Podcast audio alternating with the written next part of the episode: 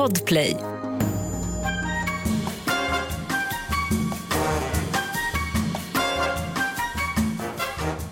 Välkommen till podcasten Jägaren med mig, Daniel da Silva. Ja, idag så ska ni få lyssna på ett avsnitt med Oskar von Stockenström. Oskar arbetar som marknadschef på Svenska Jägareförbundet och det pratar vi en hel del om om vad Jägareförbundet står i olika frågor och hur saker och ting faktiskt funkar. Eh, men främst så fokuserar vi på Oskar och hans eh, enorma jaktintresse. Eh, Oskar har jagat sedan han var liten. Han har jagat i olika länder. Där, och I avsnittet här så kommer ni få höra när Oskar delar med sig av sina upplevelser från utlandsjakt. Men främst så fokuserar vi på svensk jakt. Och 2019 så var det faktiskt så att Oskar fällde det årets största frilevande levande kronhjort i Sverige. Eh, och, eh, ja, men den, den, den, upplevelsen var ju helt fantastisk såklart och det delar Oskar med sig av i avsnittet. Eh, men innan vi kör igång avsnittet så kommer här ett inslag med poddens huvudsponsor Chevalier.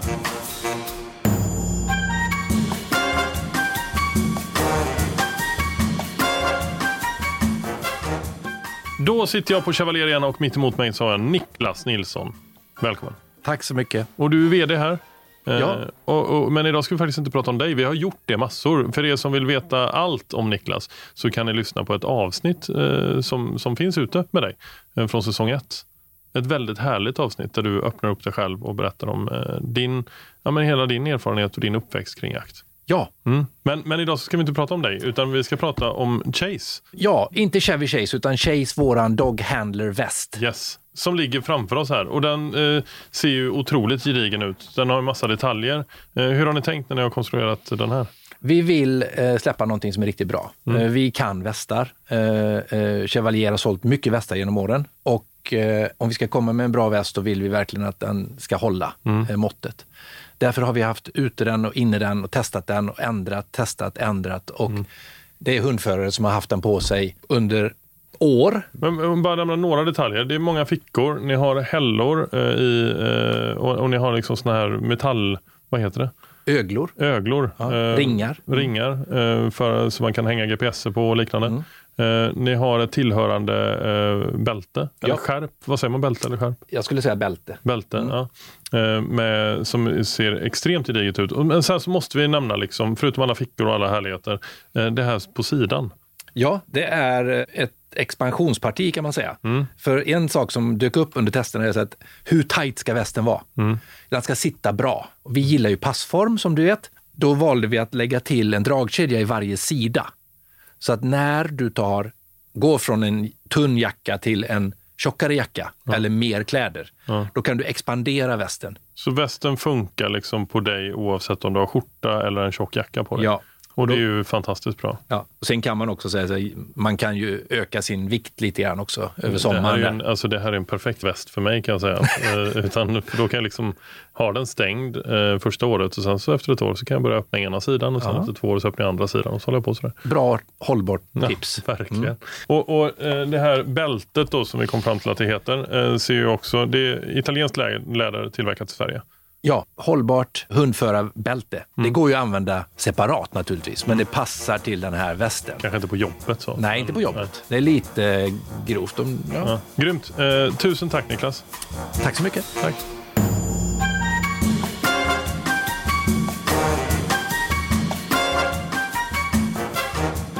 Mitt emot mig just nu så sitter Oskar. Eh, välkommen hit. Tack så mycket. Eller välkommen till eh, podcasten Jägaren. Får jag säga. Är jättekul att vara här. Ja, det är väldigt kul att ha dig här.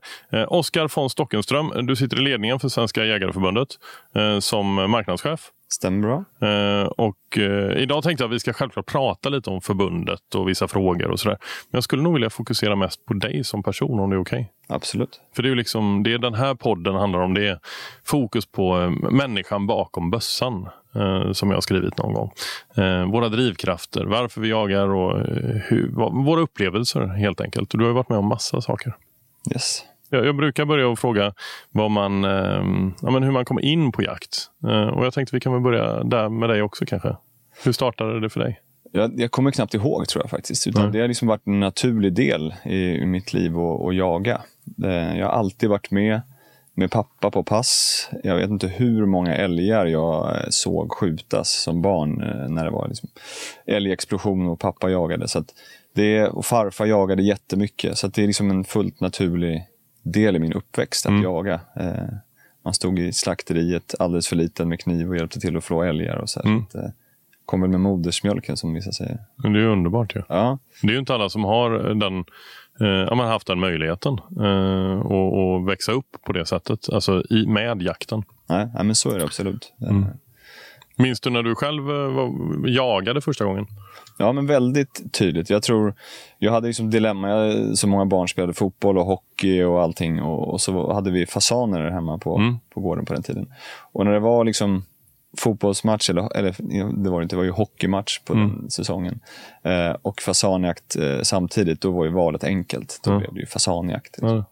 Eh, och ehm, eh, Så jag, jag har liksom alltid varit dragen till det. Och min pappa var väldigt hård med att jag fick inte börja jaga eller ens provskjuta en hagelbössa förrän jag fyllde 12.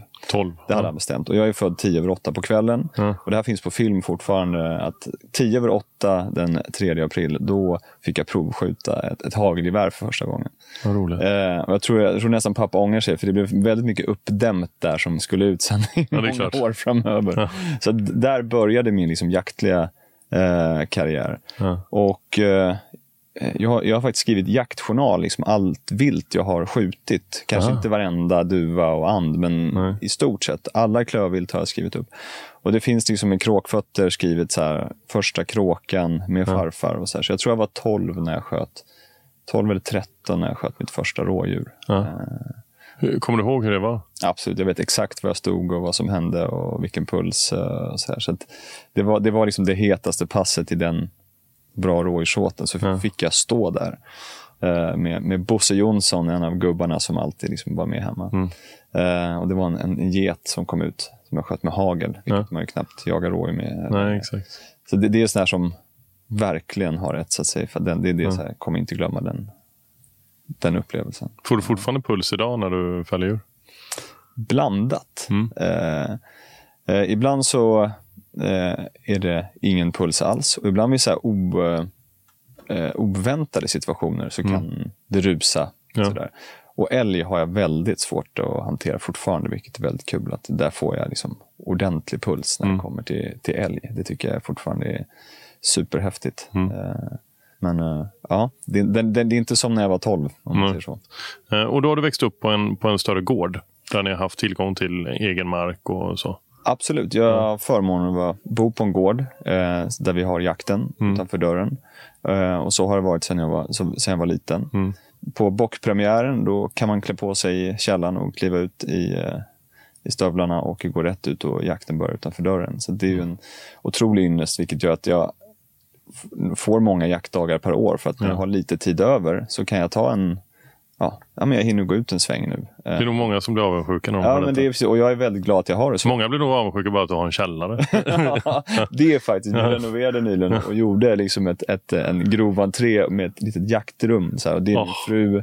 Jag är väldigt glad, men jag tror nästan min fru är lite gladare för Ja, det är där så. är, liksom allt mitt jaktbös. Ja, eh, är alla men, men bor du nu på samma, liksom din föräldragård eller är det, bor du någon annanstans? Ja, men vi flyttade hem för, nu är det väl nio år sedan. Ja. Så att, eh, nu bor vi i huset där jag gick upp och väckte min, eh, min gamla farfar Ja. eh, när vi skulle jaga duvor på morgnarna. Liksom. Så det huset bor vi i nu. Så att vi är tillbaka hemma. Vad häftigt. Mm. Du har ju liksom vikt större delar av ditt liv till jakten.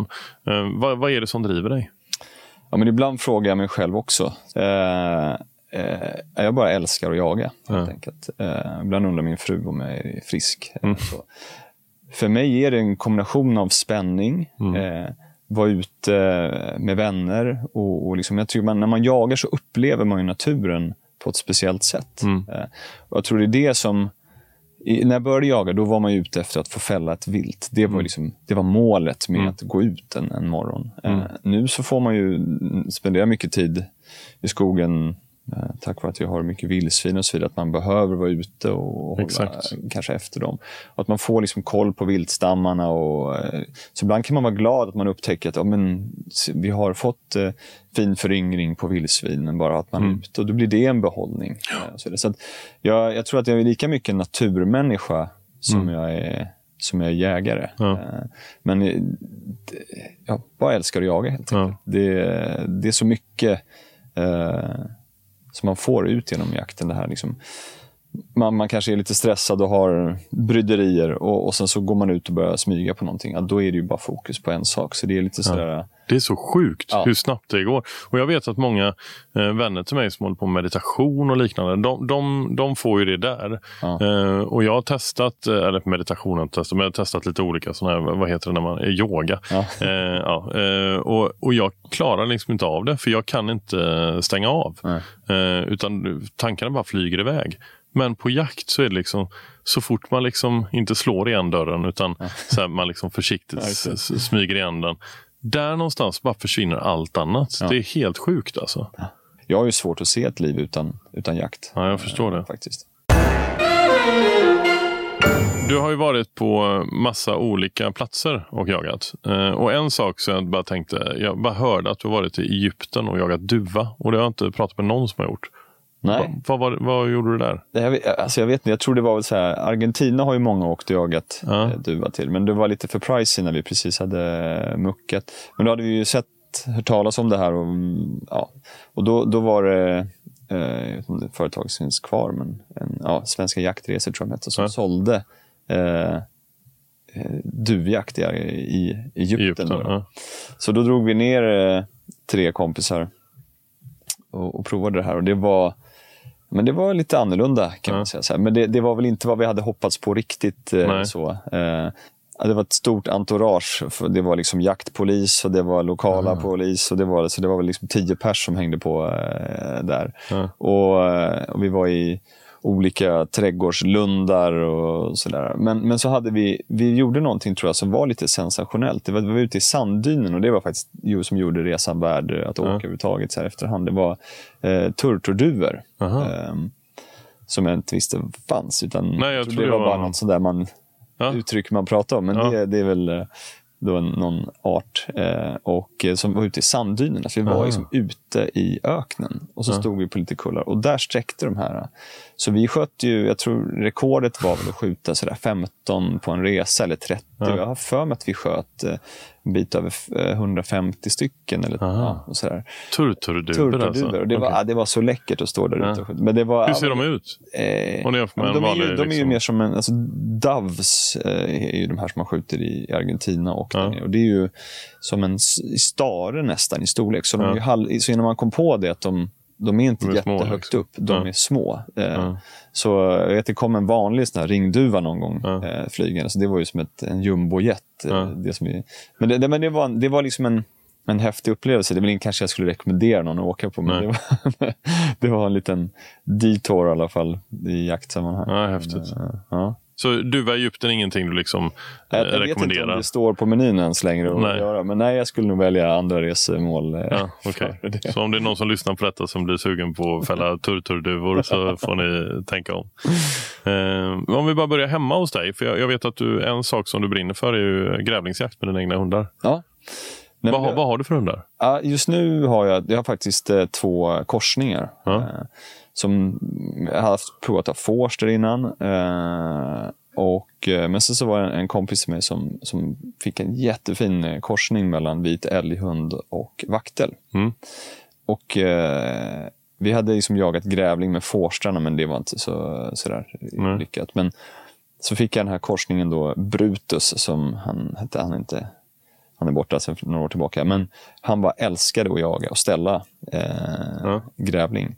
Och eh, skilde, märkte jag snabbt, på när det var grävlingjakt och något annat. Aha. Så sista åren, eh, då, då, då jagade inte ens vildsvin på natten. Man kunde att han sprang på vildsvin, skällde några Ja. skall, släppte, fortsatte grävlinglöpan och sen tog grävlingen. Aha. Och jag vet när jag varit ute och sökte i havrefält så kunde han springa förbi älgar på 10 meter och bara strunta i dem för han sökte grävling. Men han jagade absolut älg Ja. i, i dagsljus. Och, då- och då jagar man när det är mörkt? Ja, precis. Ja. Och där är ju liksom, det gäller ju att ha en hund som man har präglat ordentligt på just grävling Ja. så att det inte blir jakt på annat. Och det är ju i skymningen när de börjar, alltså de går ut i skymningen. Ja. kan ju lätt bli sena kvällar. Ja, det. Tiden springer iväg. Men då har man lampa på bössan? Alltså då, har pannlampa och, och precis så ofta skjuter med 22. Ja. Både för hundens skull och det behövs inte mer. Eh. Ofta blir de ganska...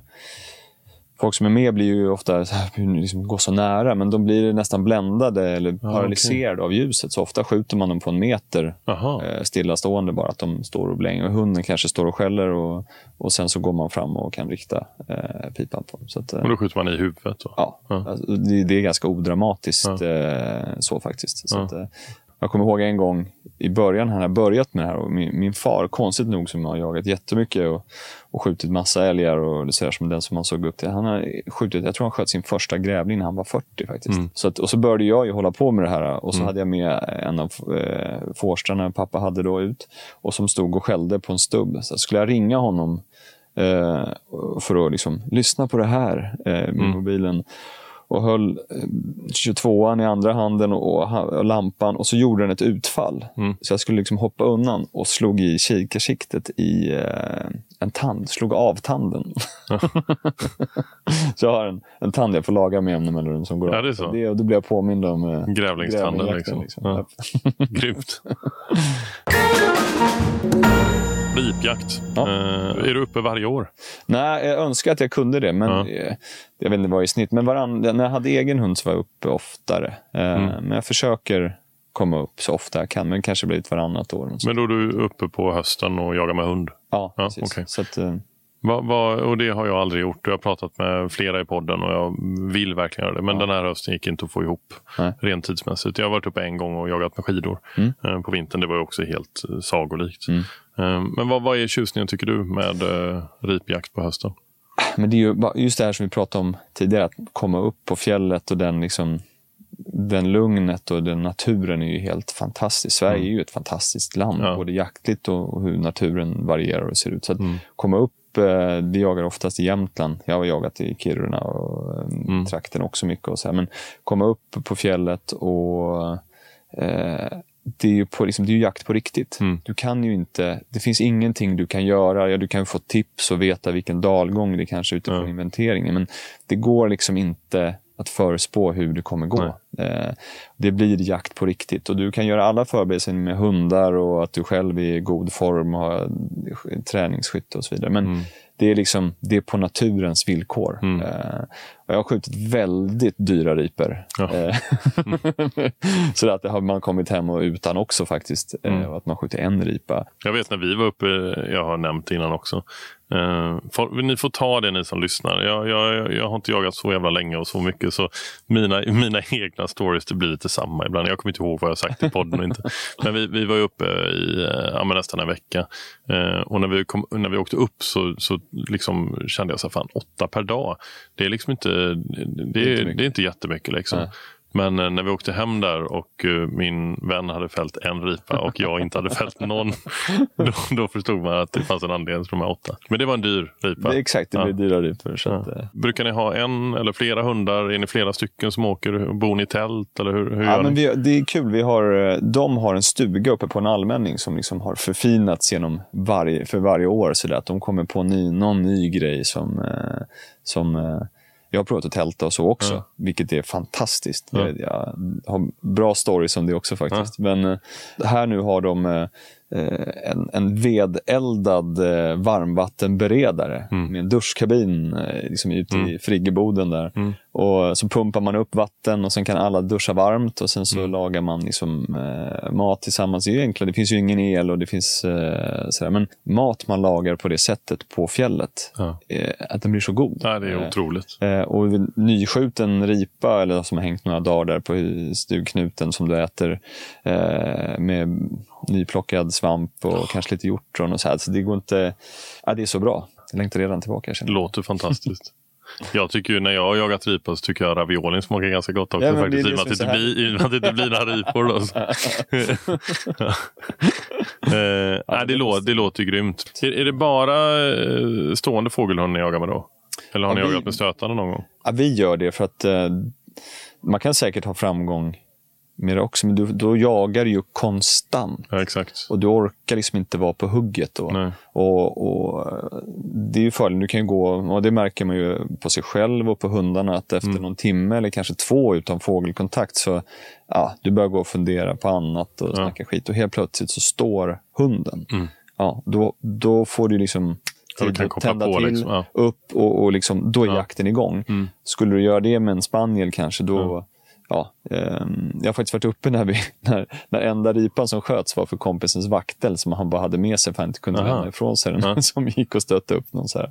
Så att, men, men, nej, men jag, jag skulle säga att stående fågelhund det är liksom det. Ja, det är ju det som är grejen. Grejen, liksom. jag, jag, har, jag har ju en spaniel nu eh, och eh, det, det hade varit så otroligt häftigt att åka upp med. Men det kan man göra på andra typer av eh, liksom, jakter såklart. Absolut. Eh, Alltså mer eh, skogsfågel helt enkelt. Eh, Det är ju det som är tanken. Men framförallt fasan och Ja, men rapans och hare och sådär nere Ja. i Skåne. Då. Sen vet jag att du har varit i eh, Kirgizistan Ja, på bergsjakt efter ibex va? exakt. Ja.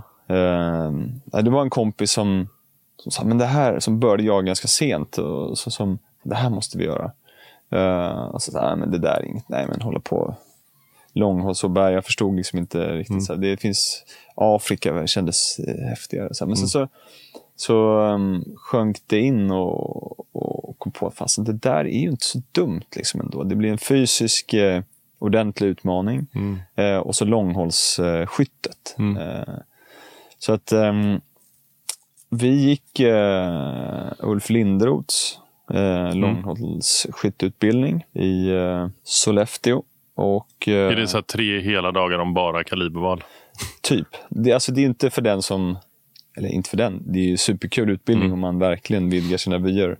Det blir en del detaljer. Eh, Ja, men alltså, att, eh, Ulfs kunskap är ju, det finns liksom ingen botten. Nej. Jag har ju spelat in podd med honom och för er som lyssnar, vill, vill, ni, eh, vill ni lyssna på ett riktigt sånt härligt nördigt avsnitt om jaktformer, om kaliberval, om skytte, då tycker jag ni ska lyssna på, på avsnitten. För det är faktiskt två avsnitt. Vi pratade så länge så att det fick bli två Jag, jag avsnitt. förstår det. För Ja. det, är, och det är så kul med Ulf, för att det bara glöder i ögonen Ja. när han pratar om jakt och kaliber. Och, och, och, äh, han, han bara svävar iväg Ja. helt där. Så, att, så det var han och en Otroligt duktig alltså. ja, otroligt duktig. Eh, och många timmar har han lagt på, på varje Ja. gren eller del. Nej, så vi gick den här utbildningen. eh, och mitt sådär bekväma skjutavstånd tidigare var nog sådär 100 meter. Då vill man känna här måste jag börja fundera på om man kanske hade sträckt till 150 någon gång. Men det, när vi åkte därifrån efter två dagar, då hade vi skjutit på 1000 meter. Och på 500 meter så var det så men det här, det här kan jag ju själv lista ut hur jag träffar första skottet. Sen är det inte sagt att, att det är avstånd man jagar på, men det gjorde att man flyttade ju fram sin liksom, Ja, sin comfort zone att 200 meter, men det, det är ett avstånd som jag nu vet. Hur mycket kan vind påverka på 200 meter? Vad händer med, med kulbanan och så vidare. Så att det sköts, jag tror jag sköt nog tusen skott med min, med min 300 Winchester Magnum. Alltså, familjen var så trött på mig, där det bara ekade ut över fälten hemma när jag sköt. Och lika mycket med 6,5 också. Och sen var, skulle det ju ridas, eh, så att jag tog ridlektioner. Eh, det var väl inte så vackert, men jag kände att jag behövde ändå vänja kroppen, för det var, de hotade med att man skulle rida 6-8 timmar om dagen, Ja. vilket vi gjorde också. Alltså de hästarna var helt otroliga. Ja. Eh, och det var några, jag har något filmklipp eh, sådär när vi rider, att ja, men alltså, trampar hästen snett här, Ja. då är det sista vi, jag gör. Liksom. Ja.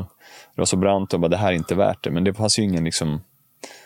Guiderna försökte lugna mig, alltså, men det är lugnt, hästarna vill inte dö heller. Nej. Så att det var, liksom, de kommer att hålla sig på stigen. Eh, och vi red och red och eh, vi jagade på runt 4000 Men, och då ri- rider man, jag, jag har hört lite grann innan, eh, jag har pratat med någon annan Mm. i, i podden om, om just den typen av jakt och att man även rider på natten då. Att det är mörkt. Liksom. Det kan ju bli så. Ja. Det undviker man ju såklart. Kom ni ifrån guiden också? Nej, vi hade... Eh, min kompis de blev av med hästarna och fick gå en mil tillbaka till, till campen i mörkret. Och det är de hästarna ni ska lita på på stigen? Då? Exakt. Ja, ja. Eh, alltså det, här, det går nog att göra ett avsnitt bara om att prata om den här jakten. Men man, man red upp där under en dag för att komma upp till rätt höjd. Mm. Eh, och guiderna pratade ju överhuvudtaget inte engelska. Eh, och sen spanade man och försökt hitta ibex. Så jag tror att vi hade haft varg eller snöleopard i vårt område. För att han var liksom ganska uppgiven dag ett. För vi hade i stort sett inte sett någon ibex alls. Eh, Medan de andra som var ute, de hade liksom mycket ibex, men som var för långt upp eller för långt bort. Och så. så dag två eh, på eftermiddagen så skulle vi bara göra en sista liten check i en eh, dalgång. Och då var det fem ibex där.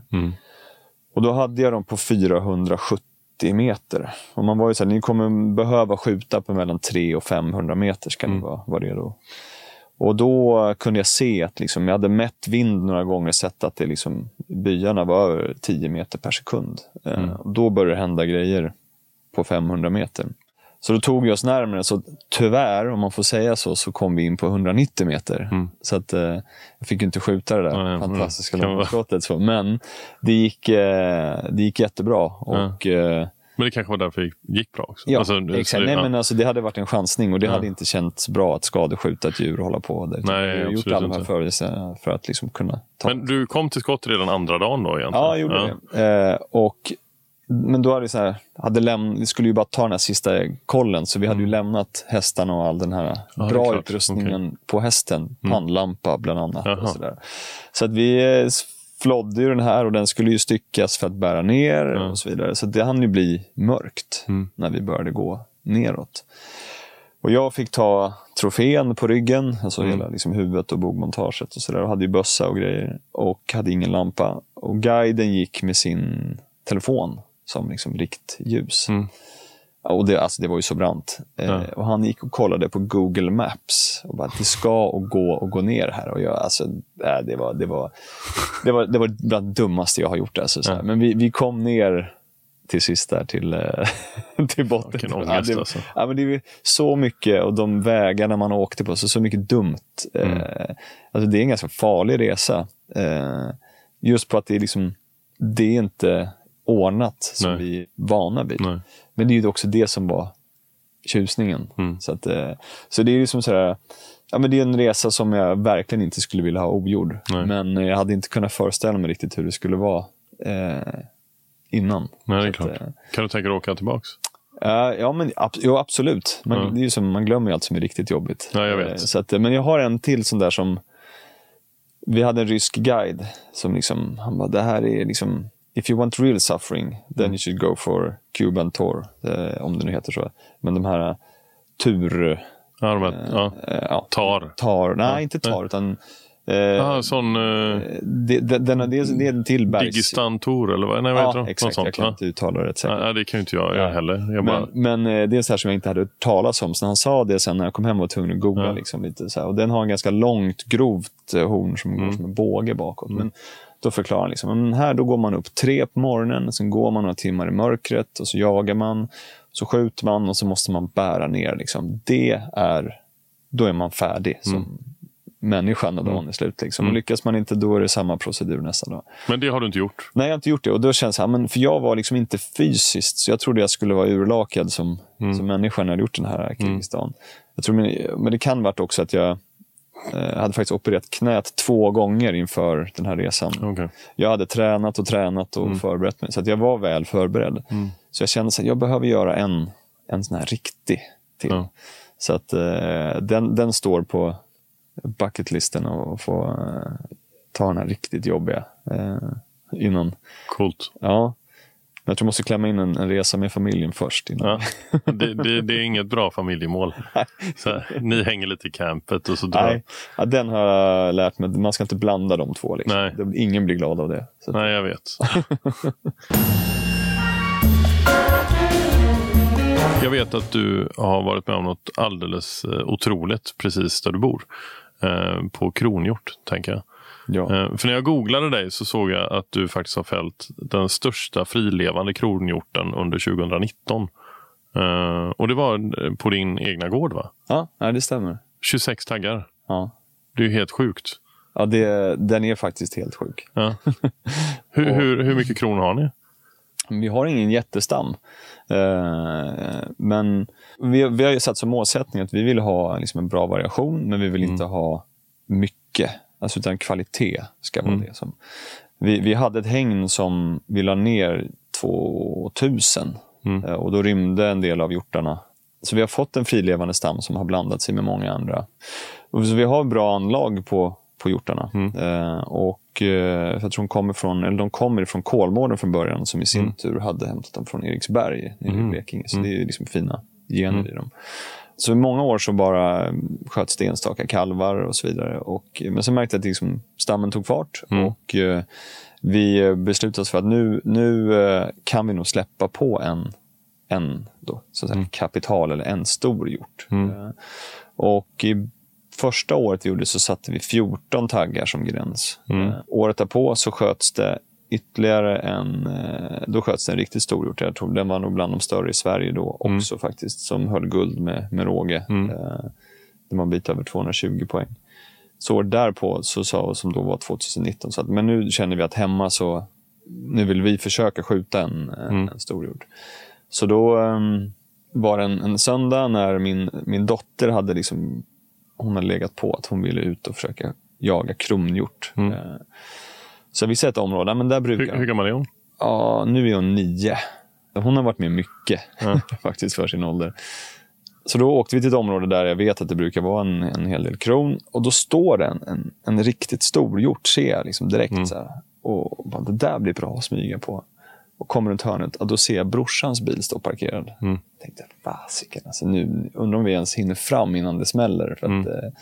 Så vi smyga, visste liksom vilken väg vi skulle gå upp för att kunna gå i mask och kommer upp till en stor sten. Och mycket riktigt så ligger brorsan liksom 20 meter fram. Men jag ser att han har bara drevjaktskikaren på.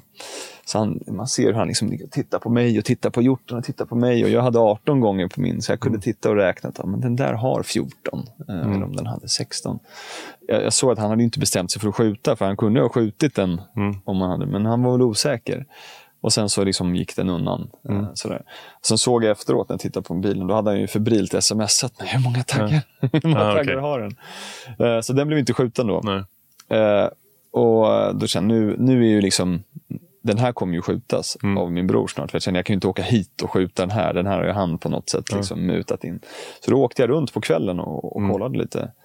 Och då, bara, när jag kommer runt en krök, så är det tiotal stora handjur. Mm. Där det bara, på en är det bara horn precis överallt. Alltså det är Mm. bara horn jag ser, liksom, taggar.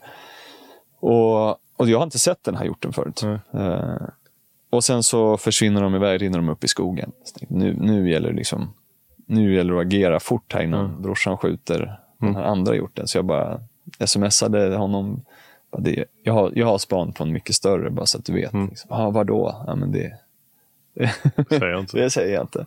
Så att då var jag ute på morgonen, tidigt, tidigt, eh, smög i området. Och då såg jag lite andra hjortar gå över en plöje, sen bort till en höstsådd med vete. Eh, så jag satt där och det var ingen, den, det var ingen stor hjort som visade sig. Men jag tänkte, men här är nog stråket där de går. Så jag var där på kvällen igen och smög.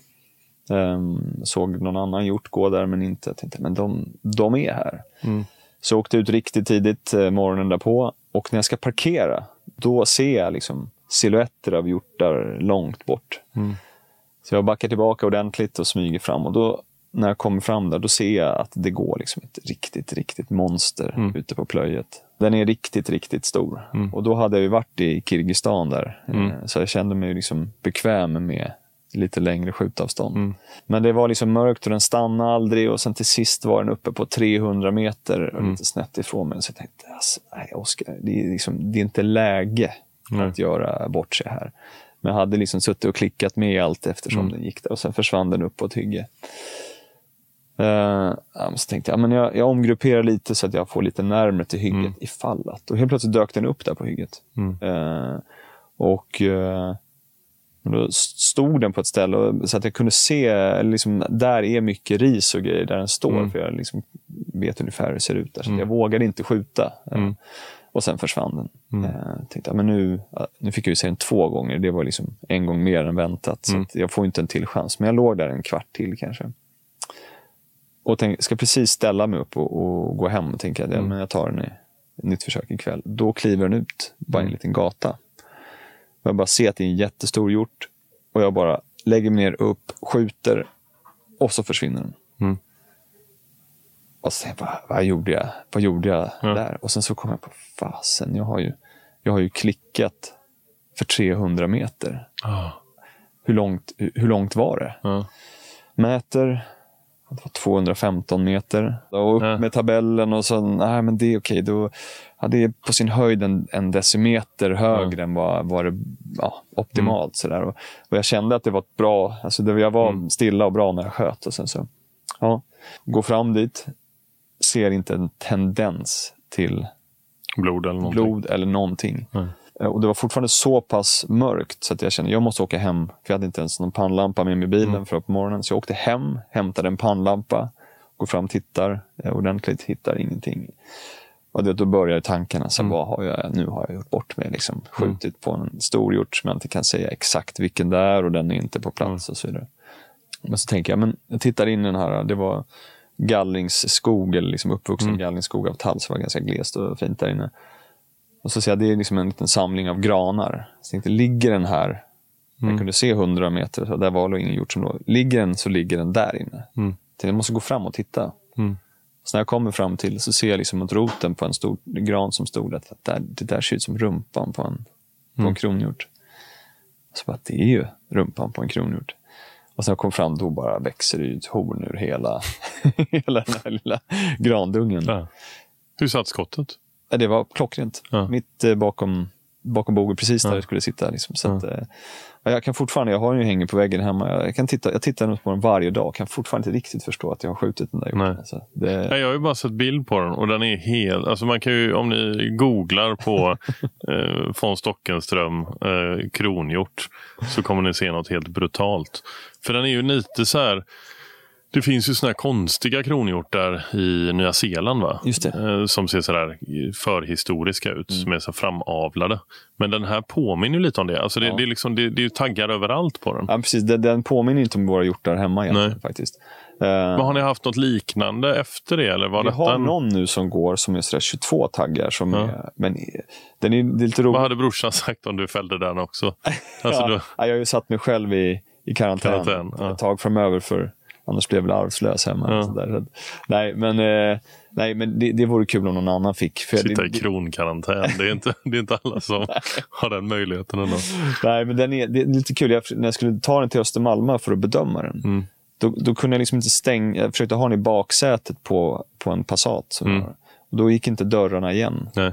För att den är så pass bred. Va, vad sa de när du kom in med den? De hade sett bilder på den antar jag innan. Ja, jo, men jag hade visat, Ja. eh, det hade jag gjort. Men de trodde nog att det, att det skulle vara, att det, Sverige-rekordet satt, satt löst. Det blev Ja. ju Sveriges tre, fjärde största frilevande som någonsin är skjuten. Den är ju magnifik. Ja. Att, eh, Men det är rätt eh, intressant det där med att du inte ser blod och sådär. Men blir det inte ett, alltså går inte, är det inte genomslag då på skottet? Eller genom, alltså att det Ja, går precis. igenom?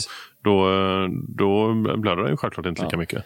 Vad, vad hade du för, ja, det var faktiskt likadant för mig när jag, jag fällde en kronhjort, eh, Mm. lite större, inte alltså som din då. Men eh, för mig så var den stor. Eh, Men sen då fattar man efteråt att den kunde ha fått ett par år till egentligen. Så jag var i Polen, eh, den var nio år. Räknar ni tänder? Och, den var faktiskt Eller- bara sju år. Den. Ja, den var sju år. Ja, så ja. det- Men det, det jag skulle komma till då med den kronik jag fällde, det var inte heller så att kulan har gått igenom djuret. Nej. Utan den, och vilket är lite kul för jag har ju kulan hemma nu då. Och den hade liksom expanderat jättefint. Men då, då, den, då sköt jag med oryx. Mm. Nu jagar jag med lite blötare kulor oftast. Vad, vad använder du själv för, eh, för kula? Jag laddar själv Ja. eh, och eh, har skjutit väldigt mycket med TT6, eh, barns kopparkula. Ah. i jag tror sjätte säsongen jag bara skjuter koppar. Dels för att eh, det känns bra att inte, man vet att man kan äta köttet utan att behöva fundera på det. Och vi kommer nog hamna där, Mm. eller vi kommer hamna där, att man inte kommer få skjuta med, med blykulor. Mm. Och då vill jag liksom föregå med kanske gott exempel och, och prova på det. Mm. Och eh, eh, det finns väl vissa, det är ju fart behöver du till viss del för att få koppar att expandera. Så vissa, vissa kalibrar kanske man måste modifiera kulan lite, att anpassa dem för de som inte går riktigt lika snabbt. Men det går väldigt bra att skjuta Mm. med koppar. Men i år har faktiskt jag och- en, eh, en vän, för att utmana oss själva lite, sagt att vi ska bara jaga med, med brytvapen Mhm. eh, hela säsongen. Och jag, för ett Har du dubbelstudsare eller en kiplauf? Ja, eller? både och. Ja. Orkar inte. Ja, men det var så jag såg... eh, Jag var liksom sotis redan på källaren. Ja. Nej, jag har faktiskt också en källare. Ja. Eh, nej, men jag såg eh, eh, på någon av de här jaktkanalerna så var det han eh, Frans Albrecht, Ja. eh, som man nu har sett i alla Ja, vildsvinsfilmer, exakt. som jagade bock, där han verkar vara ännu mer passionerad. ja, helt galet. Ja, helt galet. Och, och han hade en kiplauf. Ja. Och jag bara, fan det där är ju så snyggt. Alltså, Mm. Det där är ju, det är så bockarna ska skjutas. Mm. Så jag fick något eh, infall här precis i början på eh, coronan. Mm. Tänkte att det där, det där kan vara bra att unna sig. Mm. Så att, eh, och sen dess har jag i stort sett bara pyrsat med den. Mm. Jag måste säga att det, det förhöjer upplevelsen enormt. Att liksom, man laddar med ett skott. Ja. Eh, och jag har inte satt möjligheten att ta benstöd på den, utan det ska vara liksom ett naturligt stöd. Mm. Och, eller skjutkäpp. Och känns det inte bra, då får man ta sig närmare. Så det är liksom, för mig har det förhöjt jaktupplevelsen Mm. Ja, visst. jättemycket. Mm. Men då bara sådär, så, så, men ska vi inte... Det är en kompis som jag jagar jättemycket eh, med. Att eh, ska vi inte utmana oss själva i år och bara köra brytvapen? Mm. Så det är dubbelstudsare och eh, kiplauf som gäller i år. Så att, eh, Fantastiskt. Det har gått bra än så länge. Ja. Kiplauf har jag länge funderat på. Eh, fast liksom slutat där någonstans i funderandet. eh, vi får se. Det, det finns ju lite enklare varianter också. Men jag tycker ska man ha en Kiplauf så ska man ha en, en, en fin som man ska ha livet ut. Fast Frans Albrecht har ju, jag har sett någon gång, jag, då är jag inte säker på att det är hans vapen. Alltså det är ju sådana här sinnessjuka bössor. Ja. Alltså en halv miljon Ja, uppåt. nej, det är inte, liksom. nej, jag är inte alls där, utan det, det var mera... Ja, nej men, jag, jag har sett några filmer med honom. Jag, jag är ju lite fascinerad över honom och hans enorma kunskap och hans eh, ja, men, möjligheter han har till olika typer av jakter. Liksom. Men hans, eh, hans kunskap är ju enorm. Ja. Eh, Jag har försökt på lite olika sätt att få med honom som gäst i podden. Ja. Det är, liksom en, det är en drömgäst såklart. Ja, men jag tror det. Det finns säkert många som inte vet vem han är, men jag är ganska säker på att det har blivit ett intressant samtal.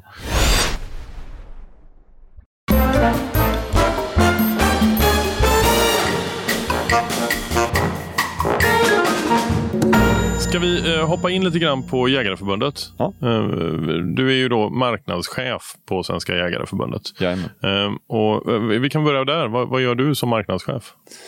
När jag började på, på Jägarförbundet så kom jag från en eventbyrå och hade jobbat med liksom kommersiella företag med Coca-Cola och Philips och Telia och så vidare. Och eh, det blev ju liksom en komma till en annan värld. Eh, Den ideella världen, förbunds... Det går inte riktigt i samma fart. Och då, då frågade jag mig själv, eller inte mig själv, utan eh, mina kollegor. Varför ska jag bli med i Jägarförbundet? Vad, vad är för jag, jag hade alltid varit med. Tidningen har ju alltid legat där hemma. Eh, men jag har liksom inte förstått vad Svenska Jägareförbundet är för något. Nej. Ja, då var jag så, ja, men det är vi, vi, man får ju försäkring och man får svensk jakt och, och så, så, så jobbar vi för jakten. Mm. Men det får inte mig att vilja hosta upp 600 kronor eh, direkt, utan det måste finnas mer. Och då, började liksom, då frågade jag, så här, vad har vi gjort som är bra? Mm. Och då listade vi fem saker som vi kallar för eh, Jägareförbundets fem framgångar, som är fem exempel på bra saker. Att vi jobbar för löshundsjakten och för jakttiderna och sådär. Eh, och då blev det lite mer att, att ta på för, för den enskilde eh, jägaren där ute. Och sen har vi liksom försökt att med, med åren att få in mera glädje i produkten medlemskap. Jaktglädje, för det är faktiskt därför vi alla jagar. För att vi tycker att det är så himla roligt. Och då måste väl vårt förbund också tycka att jakt är roligt och förmedla det. Men det är ju lätt att glömma bort det, för våra, vi pratar ju alltid om men, vilka är de aktuella frågorna och, och det är ju inte positiva saker som regel, utan det är ofta problem vi hanterar. Det är varg och det är inskränkningar och eh, ja. Så det, är det har jag försökt göra, att liksom få in glädje och då skapar jag bland annat ett koncept som heter Sverige fantastiskt. Där vi åkte runt och började med att skjuta modellen varje gång i stort sett. Vi, försökte få, få ett, en, vi var i olika delar i landet och så hade vi med ett fält vilt på bild. För det är faktiskt det. Menar, titta i, din, i ditt sms-flöde så misstänker jag att det finns ju en och annan bild på fält vilt. Men det var big no-no när jag började. Vi ska Ja, inte okej. ha döda djur på bild. Men då kände jag att någonstans har vi backat så långt mm. i ringhörnan nu så att nu står vi mot repet. Nu är det dags att liksom ta ett steg in för annars mm. kommer det trilla ur. Mm. Och, och, och, det togs emot väldigt väl. Mm. Så nu har vi, är vi inte rädda för att ha mer vilt. Och vi, liksom, vi, vi, behöver, det blir viktigare och viktigare tror jag att liksom försvara mm. eh, jakten och stå upp för att förklara mm. att ja, men vi skjuter eh, alla de här, det är flera hundratusen klövvilt varje år. Ja, exakt. Det, är, det är en del av jakten. Mm. Um, Sen önskar man att man kunde lägga full fokus, att vi hade de resurserna att bara jobba med marknadsföring. Alltså, vi har gjort mycket, mycket filmer och försöker göra inspiration mm. eh, till Instagram eller till sociala medier och så vidare. Och Om du liksom får, uh, ordet är fritt här, uh, var, var, var, varför ska man vara medlem? Ja, men jag skulle säga det, jag som då jagat så mycket hela mitt liv, jag hade inte en aning om hur viktigt arbetet som Jägarförbundet gör. Mm. Vi hade garanterat inte haft de möjligheterna till jakt i Sverige mm. som vi har idag. Och det skulle jag vilja säga väldigt mycket tack vare Jägarförbundet. Mm. Vi har ju duktiga jurister som är med och stoppar dumheter innan det blir riktiga dumheter. Vi har ju absolut den främsta kompetensen inom viltförvaltning, rovdjursförvaltning och så vidare. Mm. Det finns på Jägarförbundet. Så det, det är ju liksom, det är sådär om man tar från hjärtat, att det, det är verkligen så att vi mm. skulle inte ha Eh, sen så, ja, du får en jättebra försäkring. Du mm. får massa rabatter som gör att du faktiskt räknar hem, alltså rent i pengar. Mm. Har du en hund och tar eh, någon av våra rabatter på hundfoder så har du på ett år mm. räknat hem hela medlemskapet. Mm. Och så Svensk Jakt som du får 11 gånger om året faktiskt mm. eh, hem i brevlådan. Så det är så som jägare så är det en självklar affär för mig. Sen så delar man kanske inte alltid allting vi gör och tycker att vi gör ett toppenjobb i varenda detalj. Men jag, jag är väldigt stolt över att jobba för Jägarförbundet mm. och det som Jägarförbundet levererar. För jag har ju sett från insidan vilken, vilken skillnad mm. det gör. Och ett stort problem vi har på Jägarförbundet är att vi, vi, vi har svårt att berätta vad vi verkligen mm. Alltså, kommunicera, det är svårt att kommunicera. Mm. Eh, att, att, vi, vi, vill gärna ha med varje decimal och varje kommatecken, och för allting vi gör är viktigt. Mm. Och ibland tror jag man måste tänka baksidan på ett mjölkpaket mm. eh, för att förstå olika frågor och mm. liksom förenkla. Så för att, om man tillbaka igen, vi jägare vill ju bara jaga. Mm. Och Vi kanske inte är intresserade av att varenda detalj i förvaltning och vad de olika viltförvaltningsdelegationer och så vidare, mm. hur det arbetet fungerar som är jätteviktigt för jakten, men kanske inte så spännande. Vargfrågan, ja. kan vi prata lite om det? Det, ja. det är ett så här kontroversiellt eh, hett ämne och har varit eh, ja, jämnt. Eh, och jag själv är inte superinsatt. Eh, men vad, vad, står ni i frågan? I Svenska Jägareförbundet har sagt att vi vill ha max 150 vargar i Sverige, eller mm. 15 föryngringar.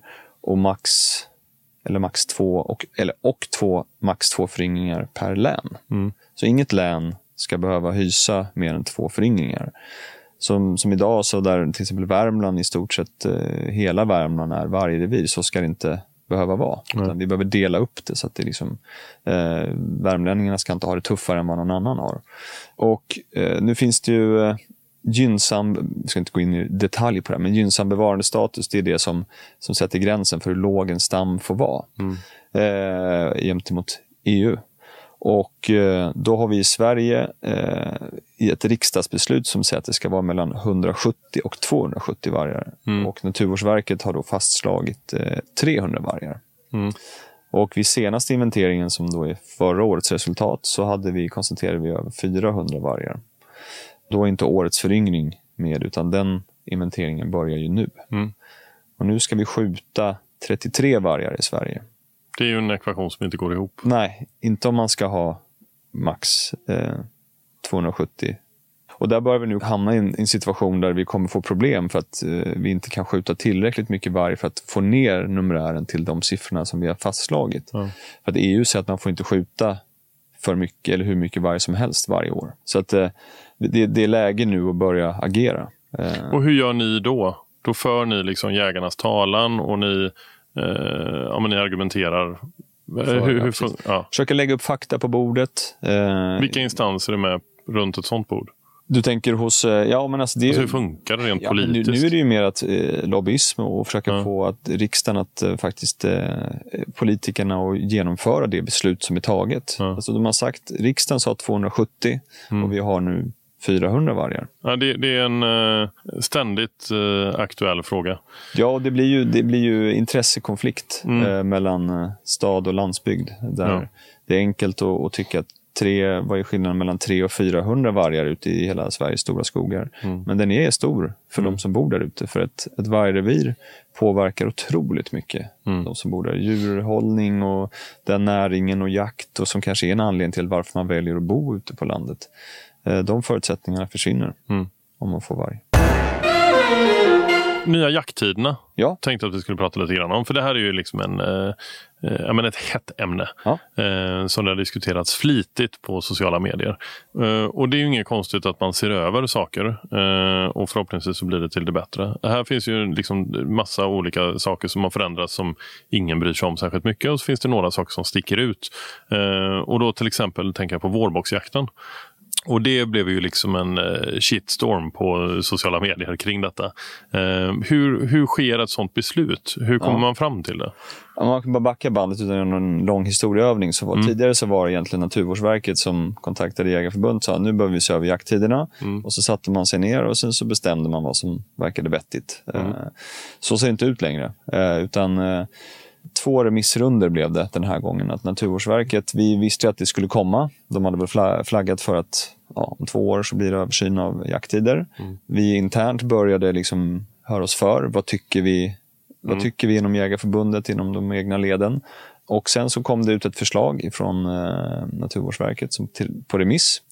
Eh, och det var inte bara vi som svarade, det var flera hundra både privatpersoner och olika organisationer. Men vi, vi försökte liksom enas kring ett förslag där vi sa att här tror vi att vi, vi landar bra, det här vill vi ha och här tycker vi si och så. Eh, och sen så lämnade Naturvårdsverket det till eh, eh, till regeringen som körde ut ytterligare en remissrunda där vi fick tycka till. Eh, och sen kom det slutliga förslaget då, som, som blev de nya jakttiderna. Och eh, nu har jag inte exakt siffra, men jag vet att det var runt 80 ändringar som genomfördes till de, till de nya jakttiderna. Där vårboxjakten var en av de diskuterade. Och, ja, sådär. Många uppe i norr till exempel har, har väldigt svårt att skjuta eh, rådjur på hösten. Då är de, det, det är mest skog. Här nere har, vi öppet landskap, så här går de ut och äter medan de ser bockarna eller rådjuren på våren och tyckte att ja, men i norr skulle vi vilja ha vårboxjakt för att kunna få skatta stammarna lite. Eh, och då bör det kanske bli svårt att argumentera för varför man ska ha det i norr och inte i söder och så vidare. Då beslutade regeringen om att då ska vi ge det i norr, då ska hela, hela Sverige ha. Vårt slutgiltiga förslag var att de län som vill ha vårboxjakt ska kunna få ha vårboxjakt. Det är ju fortfarande jägarna som sitter på makten och bestämmer om man ska. Ja, det, väljer man, ju- det står ju ingenstans att man måste skjuta en massa bockar Nej, på inte. Så Så, det kan man ju välja själv. Sen så finns det ju många då som tycker att det är många liksom, grannmarker som är pyttesmå och de, Mm. eh, då kommer de fälla bockarna då och på hösten och sen så kommer man skjuta bort stammarna och sådär. Mm. Samtidigt så finns det ju, jag menar, stora delar av Europa så har ju det alltid funnits vårboxjakt. Ja. Eh, eller alltid vet jag inte, men det är ganska länge i alla fall vad jag vet. Och där kan de också förvalta stammarna på ett bra Mm. sätt. Eh, Så någonstans så ligger ju ansvaret hos oss jägare och det ska man vara glad för på ett sätt. Man såg väl när man började införa vårboxjakten, det gick upp avskjutningen lite, men sen så blev den ganska Mm. normal efter ett tag, för att man inser att det är ju samma bockar. Mm. Alltså, den summan, det, det blir inte fler för att man får jaga dem på våren, utan Nej. skjuter en bock på våren så är den inte kvar på hösten, så då får man ju välja när man vill, vill skjuta dem. Så vi får vi se Mm. Hur det slår, helt enkelt. Jag tänkte det är dags att börja runda av. Och jag, jag tänkte, vi, jag, vi var inne på det lite grann, det här med att jaga med barn. Eh, Du har två barn va? Ja. Eh, Som är, vad, hur gamla är de? ja men en, en eh, son som är 11, Mm. Erik, och Elsa som är 9. Och båda är med och, och jagar med dig. Ja, de, är- Har du också den här 12-årsgränsen på hagel?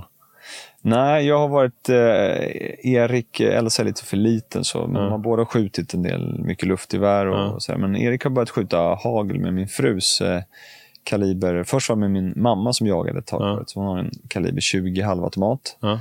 Eh, och sen har min fru en kaliber 20 bock. Och den kan han nu, eh, nu har han vuxit så pass mycket så att han, han, eh, han får nog akta sig för honom. Han, han kan bli farlig framöver. Inte, Och det där har jag varit inne på själv, för båda mina barn älskar att vara med och, och, eh, när jag jagar. Eh, och eh, De tycker det är jättekul att skjuta med luftgevär. Men jag inte, min, min son har skjutit med 22an. Mm. Eh, det är ju liksom ingen rekyl alls. Eh, och eh, i skjutbänk liksom, Mm. när, jag, är- när jag är med. Men, eh, men det hade varit superkul att, att börja lite grann med, med, med hagel eh, och testa på, på lerduvor. Då, tänker Mm. jag. Men jag vet inte vad som är regler, alltså vad, man får. På skjutbana Ja. så får du ju skjuta. De får vara tre bast liksom. Ja, alltså, du ska kunna hålla. Jag tror jägarexamen får man ta förutsatt att du kan hantera vapnet. Ja. Eh, Så, så jag, jag var 12 när jag tog jägarexamen. Aha. Mm. Coolt. Aha. Grymt. O- Okej, men åter till dina barn. Ja. Eh, de, är med, de är med dig och jagar också. De är inte bara ute och skjuter. Nej, absolut. Mm. Eh, eh, ja, nej, men de är, framförallt dottern har varit väldigt, eh, sen tidig ålder. Mm. Och vi har gjort faktiskt en liten tradition, jag tittade tillbaka, att det här var femte året på raken som dottern är med och vi skjuter premiärbocken på i augusti. Det har inte alltid varit den 16 men kanske den 17 18 någon gång. Ja. Den första bocken för säsongen, den har alltid skjutits, eller alltid de senaste fem åren då med Elsa. Och då Vad var- roligt. Ja. Vad var hon då första? Då måste hon varit Ja, det är- det är nog fyra år faktiskt. Jag tänker. Hon var fem, fem år. första Ja. gången. Hur har hon reagerat då? Den gången kommer jag ihåg specifikt, för då, då blev hon lite så här, när vi, kom, vi sköt den och så gick vi fram och, och tittade på den. Och då blev hon lite, då sa hon liksom tyst, hon bara, men jag blir lite, jag blir lite ledsen, sa hon. Så Mm. Jag frågade, varför, varför, varför då? Nej, men den är ju liksom, den är så fin och den är död. Och så här. Men då pratade vi om liksom, den har haft ett, ett bra liv här och Mm. det var ju ett, ett, ett bra skott, så den kände ju ingenting. Och, och, och det blir ju god mat och, och visst var det Visst var det spännande? Så, ja, men det var det. Så, alltså, Då började det kännas, kännas bättre igen. och, så där. och Sen så bar vi ut den tillsammans hemma. Och så där. Mm. Men just det där att man, och det har nog faktiskt med dottern kommit lite mer på sistone, att hon, hon, hon reflekterar mer över liksom att, det, att man tar ett liv och så Ja. vidare. Så där. Så att, ehm, eh, men, men som sagt, vi, vi, i år var då fjärde året på raken. Mm. Eh, och då hade jag sett ut en bock eh, redan sedan i juni. Så där, som, Mm. Den där, den, den är bra. Liksom. Den, Mm. den vill vi försöka ta. Den gick på ett specifikt område. Och så såg jag, de här gamla bockarna kan ju vara aktiva ett tag, sen efter när bron ser slut så bara försvinner de. Ja. Den, den ska tas den 16. Mm. Och så sa jag det ska regna ikväll, och det ska regna imorgon och dagen därpå. Så jag bara, det, det, är ju, det är ju på morgonen som, Mm. som det gäller. Så att jag sa till Elsa, det, det, det blir nog imorgon bitti jag kommer gå ut. Mm. Ska du med? hon bara, får vi se. Liksom, så här. Så väckte henne då när var klockan kan ha varit fem eller kvart i fem. Eller sånt där. Elsa, det, det ska regna ikväll. Ska du med ut? Hon bara, ja. så vi mysigt. ut där, ja, före skolan. Och så åkte vi ut. Då stod den där mitt ute på fältet. Ja. Och eh, vi smög upp igenom en åkerholme där och Mm. kom fram. Och precis då så la sig en get där de hade stått. Och så var det ingen rådjur där ute. Så tänkte jag, den, den är där ute. Mm. De har lagt sig ner. Så vi ställde oss i ordning i åkerkanten där. Hade mätt upp Mm. avstånden till liksom, där ungefär. Så tog några lock med buttolon Mm. och direkt ställde den sig upp. Ja. Och då stod den lite snett och så stod det en get några hundra meter bort. Så att den, den började springa lite mot den. För den Mm. tänkte att här borta är någon som eh, håller på Mm. i mitt område.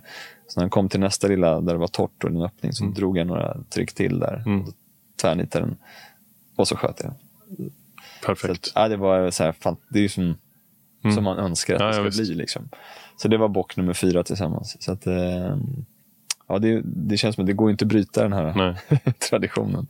Ska- Men det kommer ju finnas en brytpunkt där, för om ni fortsätter att jaga tillsammans den 16 Mm. varje år, så nu tar du med henne ut. Mm. Det finns ju en brytpunkt sen, när hon tar med dig ut. Exakt. Eller hur? Ja. När det är hon som ska gå ut och jaga och du får följa med. Precis. Och hon jagar på dina villkor. Okej, vi klättrar inte upp för det högsta berget, utan vi tar det lite lugnt nu pappa. Exakt. Jag ser verkligen fram emot den. Ja. Eh, självklart, jag är ju inte, så, inte lastgammal på något sätt, men jag känner att jag har fått jaga Ja. väldigt mycket. Jag är långt, långt Ja. ifrån klar. Men att unna mina barn och få, Ja, ja, kommer jag alltid sätta för att själv få, få skjuta. För att, eh, Ja. Jag kommer så väl ihåg liksom det här hur man såg upp på de här första, första vilten. och det Mm. här. Det är underbart att få, få, få dela det. Ja, det är fantastiskt. ja, men det är ju det som är så härligt med jakt. Det finns ju alltid saker att se fram emot. Ja, och man blir ju aldrig fullärd. Alltså det är ju...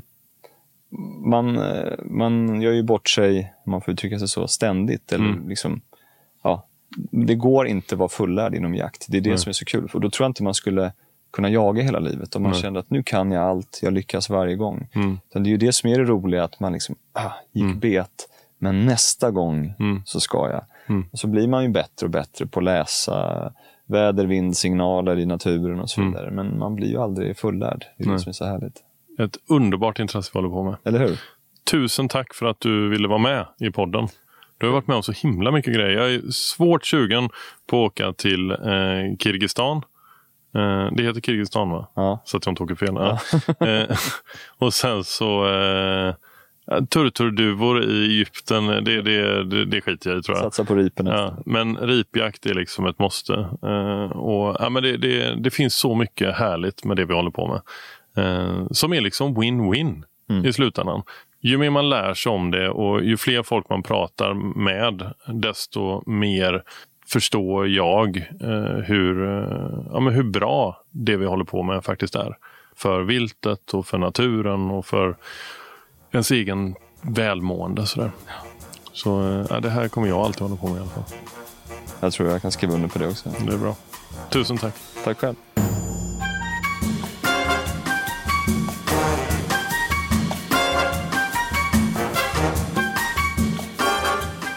Och tusen tack till alla er som lyssnar. Är det så att ni vill höra av er till mig eh, så gör ni enklast det via Instagram där jag heter da Silva Hunting. Eh, vi eh, hörs nästa vecka för då är det torsdag igen och då är det ett nytt avsnitt. Så där håller vi på hela vägen fram till jul. Vi hörs om en vecka. Hej!